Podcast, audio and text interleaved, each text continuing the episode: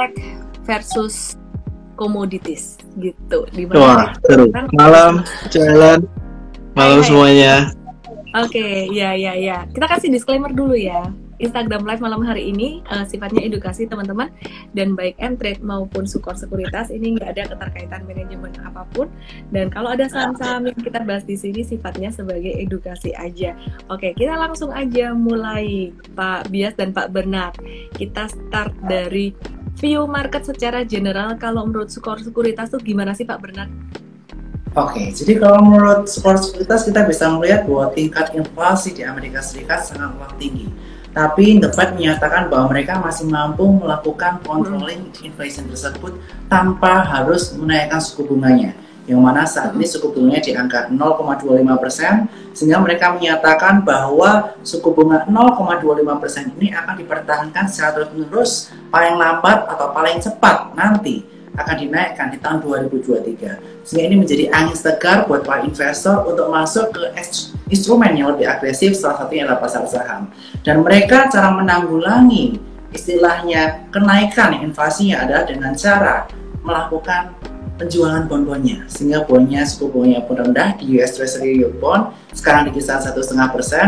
Sehingga istilahnya saat ini pasar modal menjadi satu hal yang cukup menarik mengingat pertumbuhan ekonomi di Amerika Serikat sana yang cukup luar biasa dan juga kita melihat bursa-bursa Asia juga udah mulai menggeliat karena kita melihat di Asia juga udah mulai ada beberapa negara yang bangkit dari resesi dan untuk Indonesia Bapak Luhut selaku menteri juga telah menyatakan bahwa di GDP Q2 tahun 2021 ini diharapkan akan mengalami kenaikan di kisaran angka 7%.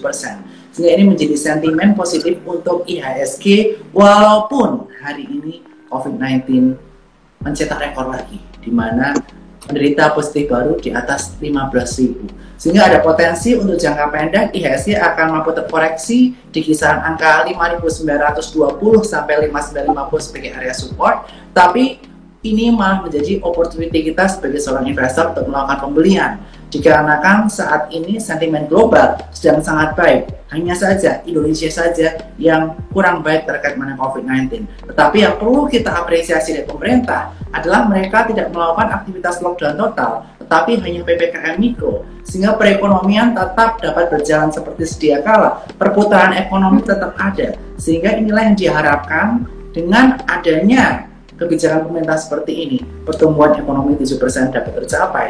Dan tentu saja dengan pertumbuhan ekonomi ini, banyak emiten-emiten akan terdampak secara keuangan, baik dari revenue maupun sales, yang akan berdampak kepada kinerja dari saham itu sendiri juga. Hmm, hmm Sekian dari hmm. saya, Bu Benar-benar, iya. Jadi sekarang sih uh, concern utamanya kalau dari dalam negeri itu masih COVID-19 juga ya dan juga masih uh, di kita masih ngelihat untuk rencana IPO dari perusahaan-perusahaan teknologi besar Gojek, Tokopedia, Bukalapak ya, terutama Gojek, Tokopedia yang kapitalisasinya bakalan gede banget nih.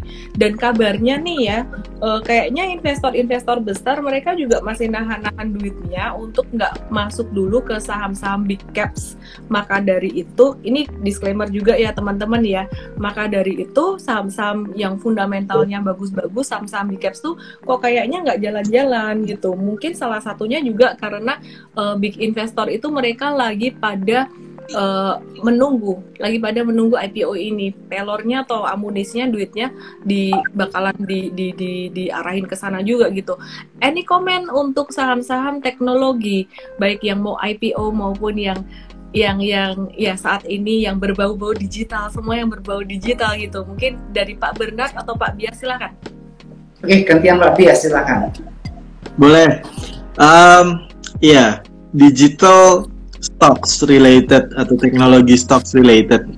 Ini ini promising. Ini ini this is the future sebenarnya. Cuman justru karena ini adalah new economy, belum ada track recordnya di Indonesia, jadi kita harus benar-benar analisa lebih jauh lagi terkait dengan ekosistemnya um, semua bisa bilang digital, semua bisa bilang uh, tech tech based company gitu ya. Cuman apakah benar uh, digitalization yang mereka lakukan benar-benar bisa enhance mereka punya ekonomi? Misalnya yang tadinya uh, old economy kayak logistik dan segala macamnya Tapi Iya. kalau misalnya di digitalization apakah lebih baik? Jelas ada yang lebih baik, tapi ada juga yang sebenarnya cuman eh, kasih tag name digital supaya valuationnya bisa re-rating gitu, Miss gitu. Dan ini yang harus kita per- kita kita waspadai sih takutnya ada value trap di sana. Dan eh, it is it is it is very promising sebenarnya karena memang uh, we're definitely going into that way udah kejadian juga di developed market di di di di developed countries US, Jepang dan Eropa dan yang lainnya valuationnya jelas dihargai dengan uh, valuasi lebih tinggi. Tapi balik lagi di Indonesia uh, satu masih banyak yang belum tahu gimana caranya. Kedua masih banyak fun-fun atau uh, ya big players lah ya di Indonesia yang uh, masih gampang lah gimana cara ngelihat valuasi dari saham-saham ini. Uh, kedua juga uh, ada juga peranan dari suku bunga rendah ya. Jadi memang kalau menurut saya saham-saham teknologi ini sedikit banyak diuntungkan oleh uh, environment uh, low interest rate yang ada sekarang gitu karena banyak dari mereka sebenarnya belum profitability-nya baik. Banyak dari mereka yang masih ibaratnya burning money. Burning money means ada capital yang yang yang yang harus terus terlibat di situ dan uh, cost of capitalnya kebetulannya lagi murah gitu karena interest rate-nya rendah. Jadi ini ngebuat uh, mereka bisa uh, apa ya bisa being so aggressive dengan burning capital karena capital cost-nya murah gitu.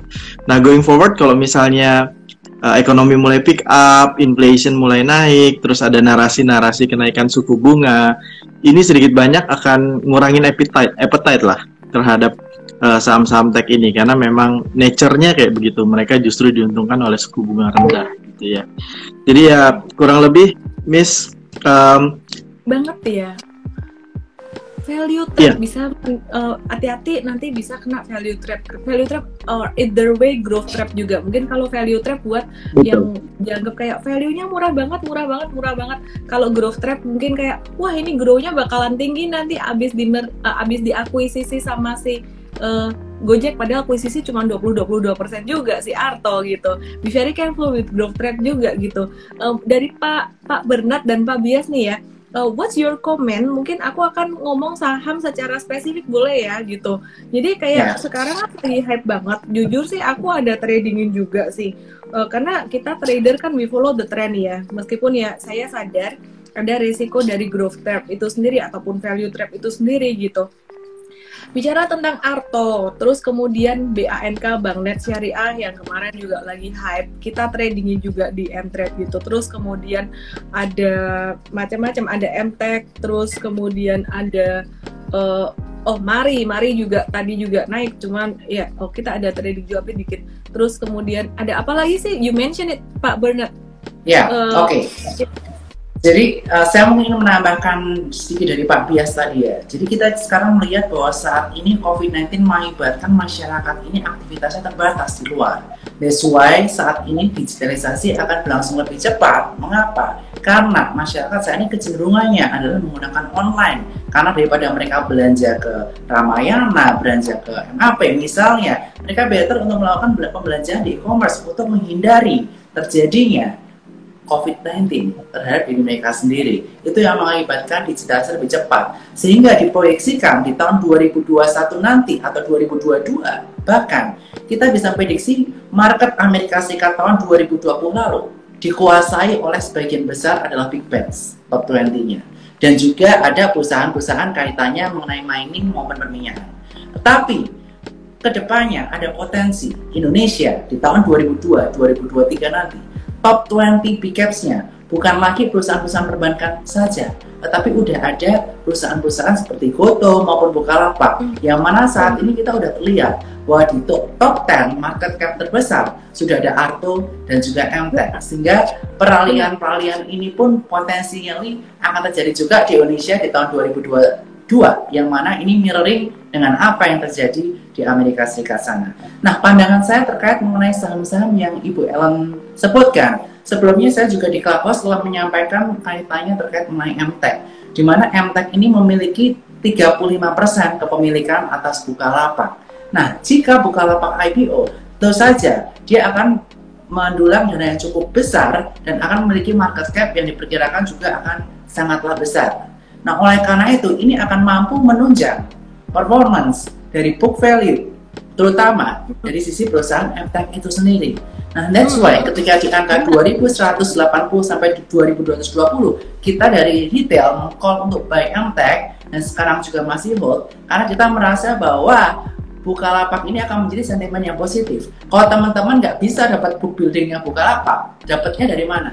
Ya udah invest di MTech. Karena MTech 35 ya ada Bukalapak. Dan baru saja ada beberapa research analis dari broker lain yang menyampaikan ada dua target untuk MTech. Satu target di harga 3000 dan next target ada di 3400. Kemudian kaitannya mengenai Arto. Nah, Arto ini timnya Pak Bias nih Edward Sorry, cover enggak, juga jangan Arto. Ke dulu. Jangan ke Arto dulu. Aku masih Oke, okay, oke, okay, silakan. Uh, tadi uh, 3000 dan 3400. Kalau Sukor sendiri uh, targetnya MTEK di berapa? Untuk MTEK saat kita, kita belum cover. Belum cover kita untuk akan cover. Tapi dari Bloomberg saya yep. udah lihat dua research satu dari yeah. tidak saya tidak bisa sebutkan namanya ya, yeah, tapi dua riset tersebut masing-masing di angka 3000 dan 3400 tapi Sukor kita belum cover. Tapi angka 2600 seperti Miss Ellen sampaikan tadi ini menarik sekali. Jika dia tembus ini akan menjadi angka all time high untuk MTech karena ini resisten yang cukup kuat. Saya setuju banget sama Miss Ellen dan tadi tuh kayaknya udah noel-noel gitu ya. Anyway teman-teman disclaimer ya, ntar dibilang kita lagi ngepom-pom MTek, lagi sukor sama Ella ngepom-pom MTek. Waduh, waduh, waduh. Enggak, kita nih ngebahas secara objektif dan aku ngomong ngoceh tentang MTek nih bukan baru sehari, udah ber ber berhari-hari, udah bahkan sebulan yang lalu ketika masih consolidating. Ketika dia, bahkan aku habis ngomong dia sempat jatuh dulu. Dan uh, ya kita ada buy MTek kemarin tanggal sekitaran 17 Juni jadi kalau dilihat sih story-nya MTech sebenarnya ya story dari IPO Bukalapak itu sendiri. Cuman sebenarnya aku ngelihat MTech ini dia punya dia punya anak usaha tuh banyak banget anak usaha yang uh, di bidang teknologi juga. Dan tahu nggak yes. teman-teman uh, si MTech ini dia juga punya saham di Dana loh aplikasi Dana yang kalian pakai ini gitu. Terus kemudian kalau nggak salah sih salah satunya di Same. Same itu uh, Omni Hospitals etc. gitu. Ya jadi Ya, jadi kalau kalau kita perhatikan dia punya bisnis tuh juga banyak diversified banget dan akhir-akhir ini trending digital uh, ini cukup menarik juga anak uh, anak usahanya dia lini lini ini ada banyak yang digital dan hari ini dia berusaha yes. breakout tuh dengan volume yang tinggi dua hari ini. Oke, kita mungkin uh, ngomongin yang lainnya. Nah, ngomongin saham yang lainnya, misalkan kayak Arto atau yang lain nih. Pak Bias, aku mau nanya nih Pak, ini pertanyaan terbesar sejuta umat yang sebenarnya aku sendiri juga masih dalam tanda tanya. Cuman kalau aku tuh di saham kan uh, kayak gini yang lagi hype-hype, aku ikutin trennya aja kan. I follow the trend gitu. Jadi nothing tulus. Kalau misalkan ternyata dia fundamentally nggak kuat atau gimana, dia jatuh, tinggal kita tinggal profit taking. Beli di sini, tren patah, kita profit taking. Selesai. Selesai masalah. Pertanyaan terbesar dari teman-teman netizen semuanya, apakah saham-saham tech-tech ini ini benar-benar fundamentally strong, uh, layak buat diinvestasi atau ini sebenarnya digoreng-goreng aja sih, Pak? Kita lihat bisnis modelnya, Ce. Jadi kalau beberapa bisnis modelnya memang benar-benar punya ekosistem yang mendukung. Let's say uh, yang paling kencang dari tech-nya apa sih e-commerce? E-commerce adalah dasarnya gitu. Jadi menurut saya yang supporting system atau ekosistem dari e-commerce, I think itu punya dasar yang cukup kuat untuk secara bisnis model bisa delivering value ke depannya gitu. Karena kita percaya e-commerce is the next big thing gitu ya. And it's the next normal thing bahkan mungkin in the next five years atau di Indonesia gitu. Jadi yang related atau supporting system atau ekosistem dari e-commerce ini I think punya punya ini ya, punya futures ya, yang benar-benar uh, directly uh, misalnya supply chainnya, ya let's say gini deh, kayak uh, logistik aja, kayak ASA. ASA is very promising karena dia benar-benar fokus logistiknya ke e-commerce, bukan kayak uh, old economy logistik yang kayak zaman dulu gitu ya. Let's say terus ada apa lagi? Ya, ya Bukalapak Goto udah pasti jadi uh, punya fundamental yang sangat menarik gitu Um, kemudian yang lainnya kayak uh, payment gateway yang supporting atau yang punya ekosistem uh, artinya memang punya captive market gitu ya entah itu affiliated with e-commerce atau grup e-commerce-nya Hmm. ataupun memang uh, uh, punya kedekatan uh, attachment sama e-commerce-nya itu sendiri. Saya pikir itu positif. Tapi kalau yang lain yang lain apa tuh? yang yang lain tuh? Ah, Aku ya ada beberapa. sebentar. Boleh sambil dijelasin? Aku ambil minum dulu haus banget. Isoman, tolong diampuni meninggalkan screen, Oke, screen oke, satu detik. Oke, Mau lanjut, lanjut, lanjut. Jadi Oh. siap. Jadi jadi uh, buat teman-teman sekalian ya. Jadi ya ini yang perlu di, di dipahamin betul-betul sih bisnis modelnya. Kalau ada saham yang jualan digital dicari tahu itu digitalnya dari sisi mana. Mereka ngapain dari sisi digital. Terus ekosistemnya apa? Kalau ujung-ujungnya e-commerce uh, dan mereka punya afiliasi yang uh, yang yang bisa benar-benar sinergi dari e-commerce-nya, saya pikir punya value sih, punya fundamental. Kalau misalnya enggak, uh, cuman tadinya perusahaan yang ikut-ikutan digitalization terus kemudian dia. mengklaim bahwa mengklaim bahwa dia punya uh, exposure digital, saya pikir uh, semua perusahaan bisa melakukan itu. Jadi Mungkin sinergi yang didapatkan sebenarnya nggak signifikan. Kita nggak bisa, mungkin secara etika ya, nggak bisa menyebut kode sahamnya secara langsung sih.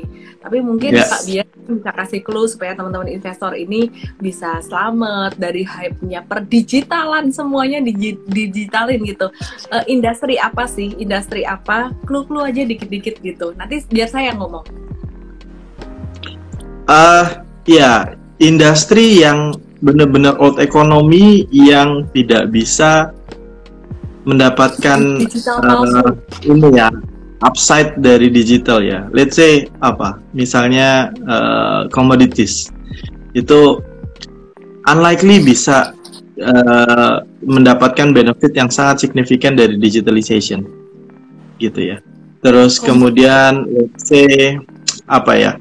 eh, manufacturing lah, let's say semen, itu juga udah pasti nggak bisa. Kemudian em, Oke. apalagi ya? Ya saya Kalau- pikir yang kalau- yang yang ke arah sana sih. Kalau ini Pak, yang terakhir kayak eh, banyak saham dari satu grup yang lagi hype banget, kayak eh, saham-saham bank-bank digital kecil-kecil kayak gitu. Itu menurut eh, Pak Bias itu eh, bakalan growth trap atau enggak? Satu punya ekosistem nggak? Punya ekosistem dalam artian mereka memang udah lama nggak melayani merchant di e-commerce misalnya. baru Punya mau mulai punya- Pak, baru punya mau mulai. di e-commerce nggak? Oke, kalau baru mau mulai eh, mereka punya bargain power apa untuk bisa dapat exposure sebesar eh, pemain lainnya yang memang udah exist di e-commerce, let's say. Kedua, sela- mungkin selain e-commerce, apakah mereka juga punya number of apa eh, subscriber atau active user yang bisa dieksploitasi, yang bisa dikonvert untuk menunjang eh, prospek bisnis mereka misalnya.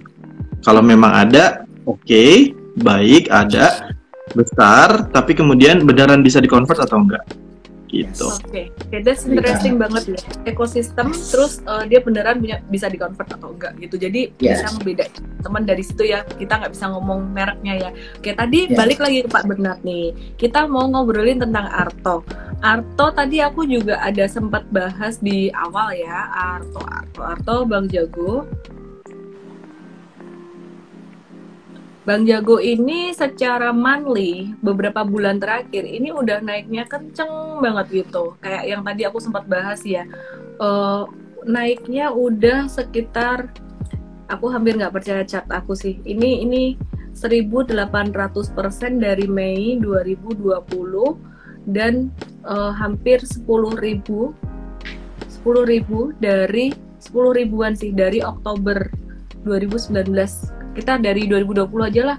2020 tuh udah lebih dari 1500 persen udah 2000an persen gitu. Oke Oke. kalau menurut Pak Pak Bernard nih eh, Arto Arto ya memang kan lagi hype banget apalagi Gojek juga Gojek Tokopedia juga mau IPO jadi memang mungkin masih ada upside lah Tapi menurut Yes. Pak Bernard nih, kita udah mulai harus hati-hati nggak sih? Hati-hati lo ntar kejebak growth trap dan seterusnya. Sorry aku Oke. sambil minum. Yes, nggak apa-apa, Mes. Jadi mungkin saya tambahkan dari Pak Bias tadi ya. Jadi saat ini di Indonesia ada tiga ekosistem yang sangat kuat terkait mengenai e-commerce yang bisa dimonetis- dimonetisasi ke depannya menjadi salah satunya digital bank. Karena digital bank ini merupakan salah satu alat untuk bisa memonetisasi e-commerce ini secara lebih baik. Tiganya apa aja ini? Ada Goto, Grab yang ada di MTech, dan juga yang ketiga adalah Shopee. Dan ketiga ekosistem nanti akan berlomba-lomba untuk menjadi market leader untuk istilahnya mendapatkan market sebesar-besarnya sehingga tentu saja bisa mendukung bisnis tidak hanya di e-commerce-nya saja, tapi di bisnis perbankannya. Salah satunya adalah Goto yang memiliki saham di Arto. Akan tapi kami dari Sukor Sekuritas untuk Arto, target price kami udah di angka 15.000 yang mana ini merupakan best scenario kita. Jadi sebagai seorang investor yang udah trading atau invest di Arto, sebaiknya berhati-hati. Tapi teman-teman bisa perhatikan ke beberapa ekosistem lainnya yang cukup kuat, yakni adalah ekosistem SEA, Shopee, dan juga MTech.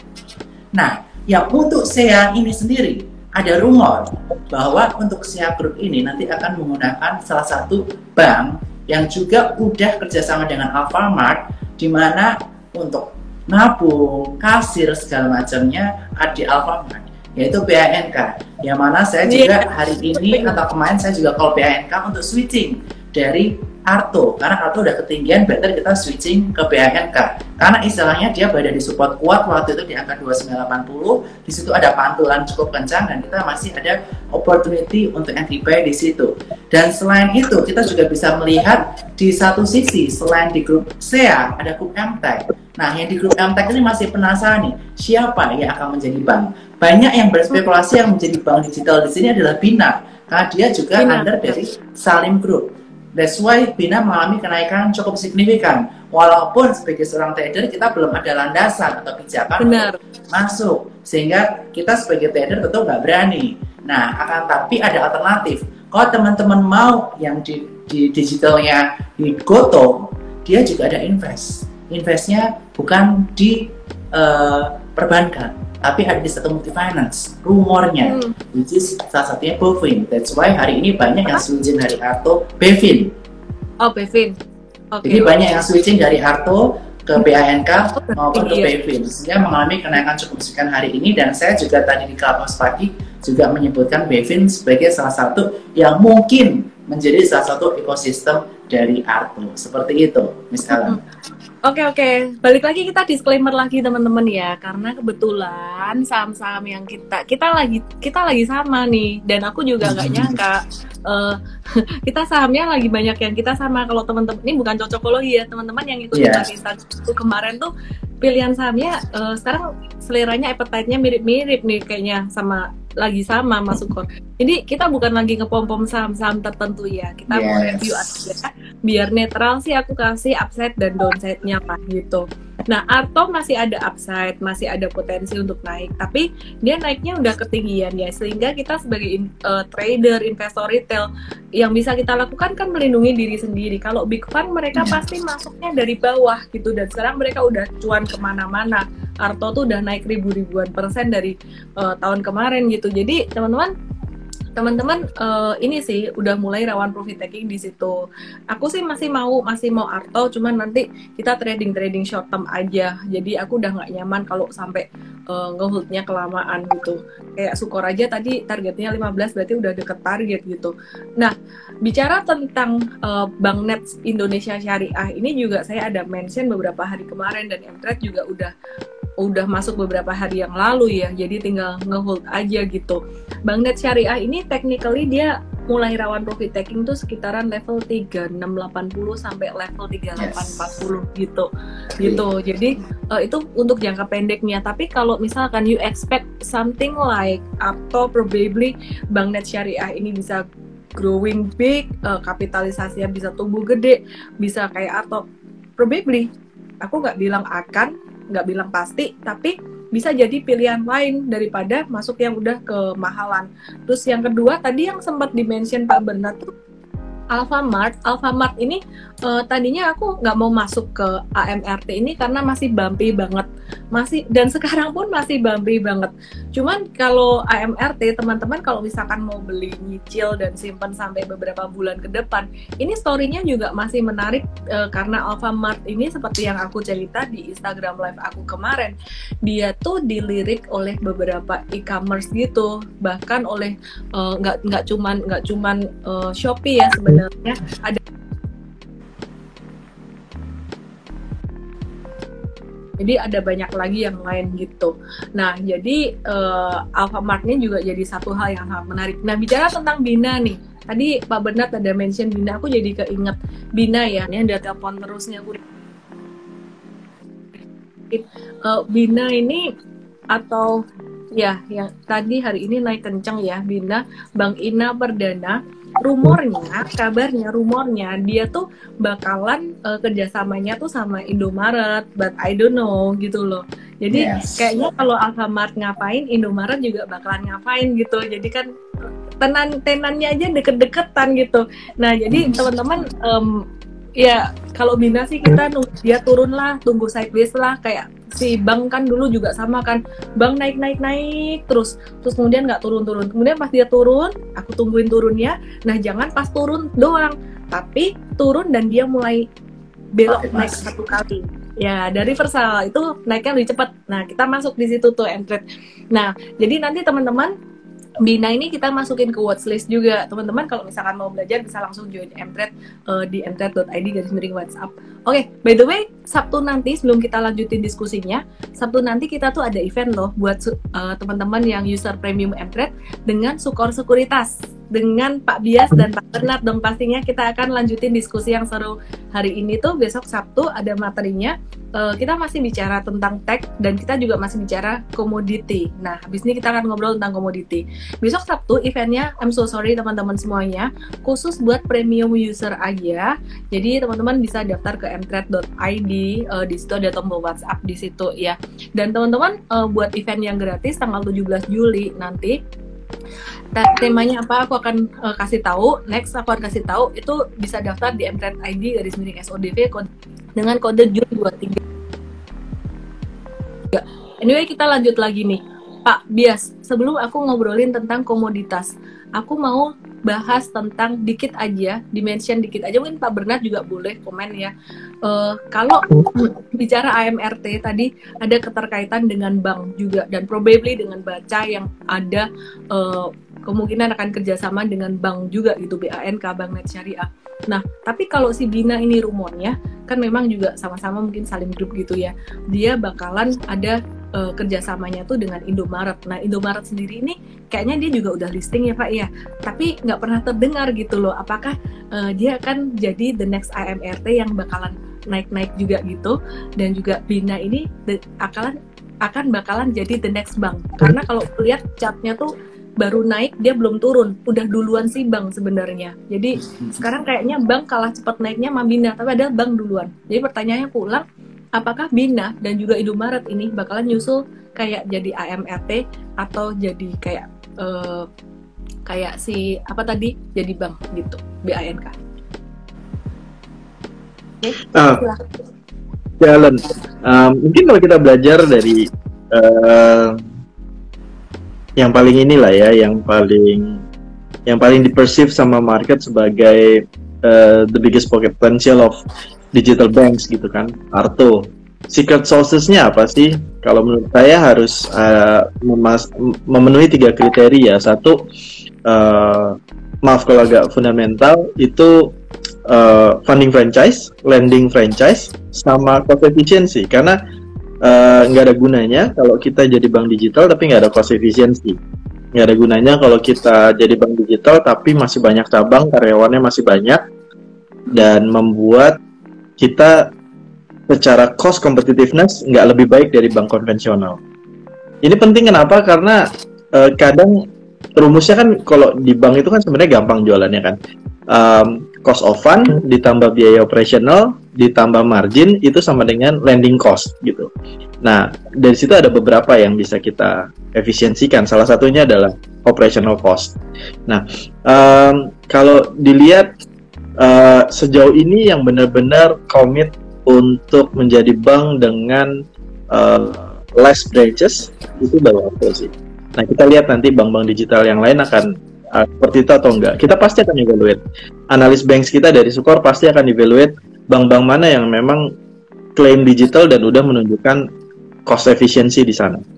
Kedua, uh, funding franchise. Gimana caranya mereka bisa dapat dana murah? Dana murah tuh bukan deposito, tapi duit tabungan atau duit nganggur biasanya uh, Jago punya huge potential karena mereka affiliated with Gojek, ada GoPay di dalam situ, dan juga ada sekarang ditambah Tokopedia bisa jadi uh, uang nganggur yang ditaruh di dalam Tokopedia untuk belanja misalnya.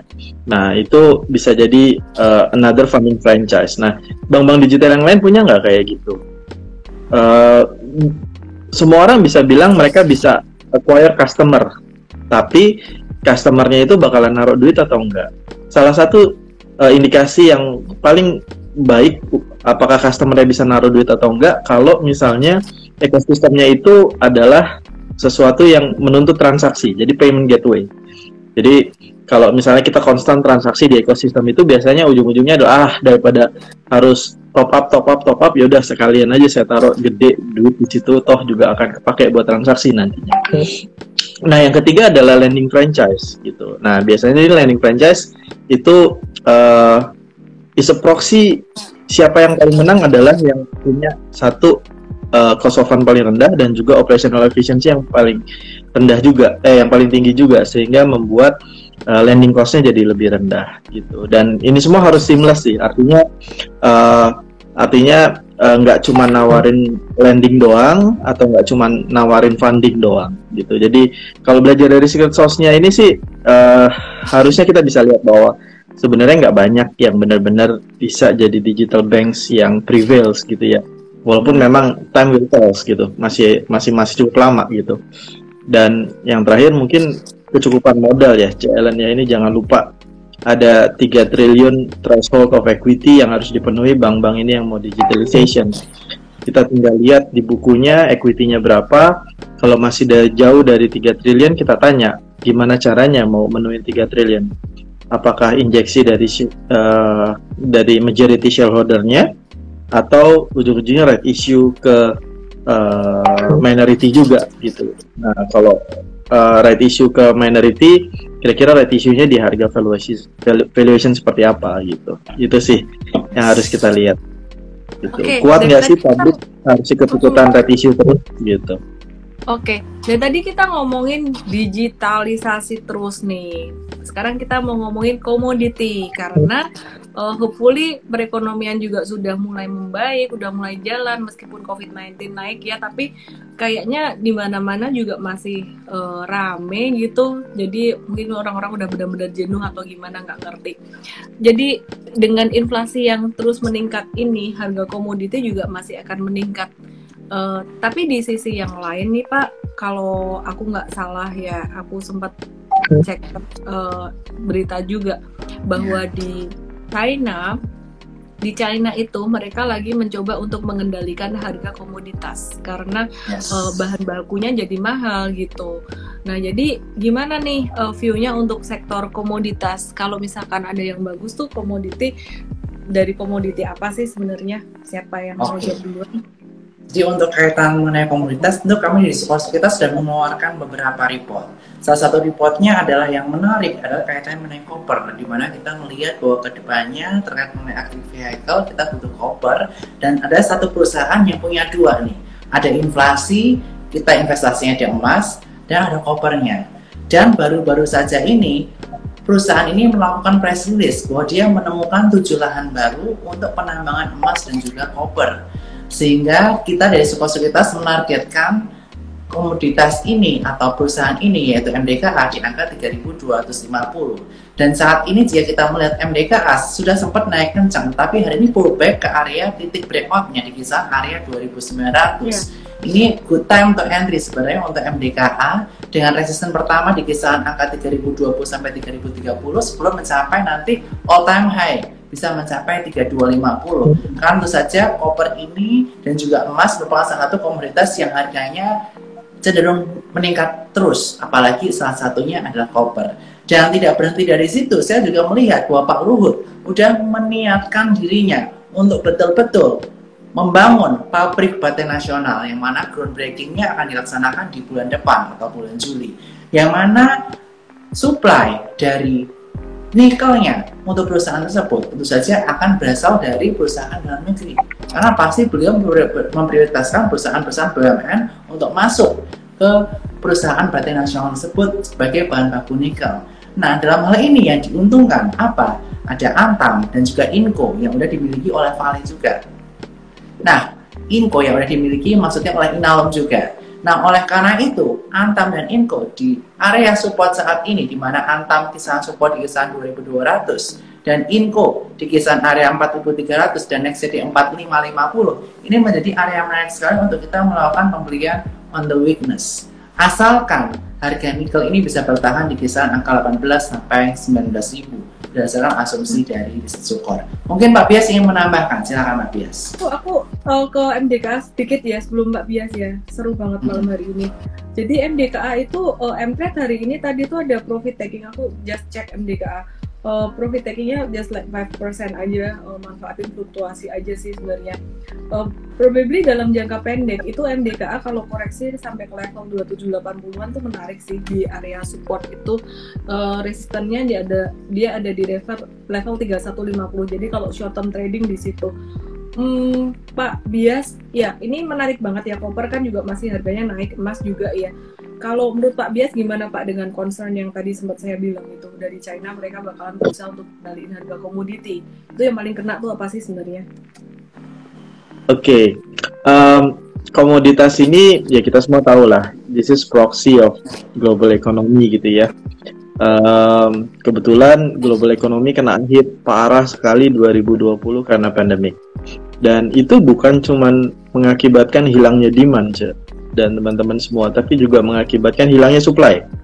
There's a lot of uh, commodities producer tuh uh, declare bankruptcy lah. Dan itu ngebuat kapasitas produksi ya you name it beberapa nama komoditas itu turun signifikan ketika 2020 pandemi kemarin.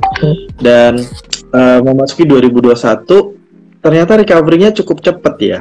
Dan ini ternyata tidak juga diikuti oleh kenaikan supply. Banyak nah, dari iya. beberapa iya. commodities producer ini uh, masih kesulitan, let's say misalnya buat cari financing, buat cari working capital karena somehow financial uh, financial industry itu masih relatif uh, belum balik risk tolerance-nya untuk kasih uh, channeling funding ke sektor ini gitu. Jadi uh, supply-nya balik belum secepat demand yang naik gitu.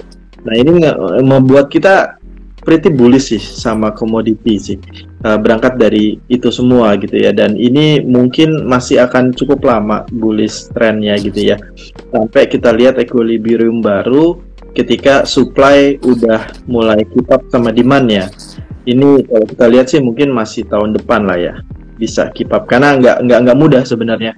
Kalau tambang yang udah ditinggalin lama nggak ada traktornya nggak ada orangnya terus tiba-tiba disuruh mulai produksi lagi it takes at least six months or year lah buat bisa balik ke level produksi normalnya gitu. Nah ini yang ngebuat kita ngelihat bahwa uh, supply-nya masih akan constraint. Dan kalau supply-nya masih constraint harganya masih akan tetap bagus sih. Dan okay. demand demand demand kita percaya. Jadi ya we're we're bullish for for commodity sih Cek. Commodities bullish what kind of commodities uh, copper yes. gold copper gold itu? Uh, uh, uh, basically uh, yang paling related sama economic activities uh, kalau misalnya uh, satu energy related kedua uh, manufacturing related gitu ya um, batu bara batu bara saya pikir punya punya ini ya punya punya strong potensial untuk masih bisa uh, di level-level harga tinggi sampai akhir tahun. Uh, metal, metal, metal, uh, ya um, sebenarnya ini kan kita dari sisi energi ya memang belum balik lagi ke optimal gitu. Masih banyak manufacturing plant yang belum 100%. Electricity consumption uh, walaupun ada beberapa negara yang udah balik ke pre-COVID, tapi ada juga yang belum. It still required a lot of energy sources.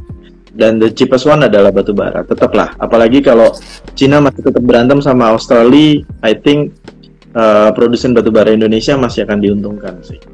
Gitu. Oke, oke, oke. Kayaknya kalau batu bara tuh aku lihat yang paling relate dengan gerak harga batu bara tuh ada si ITMG ya gitu.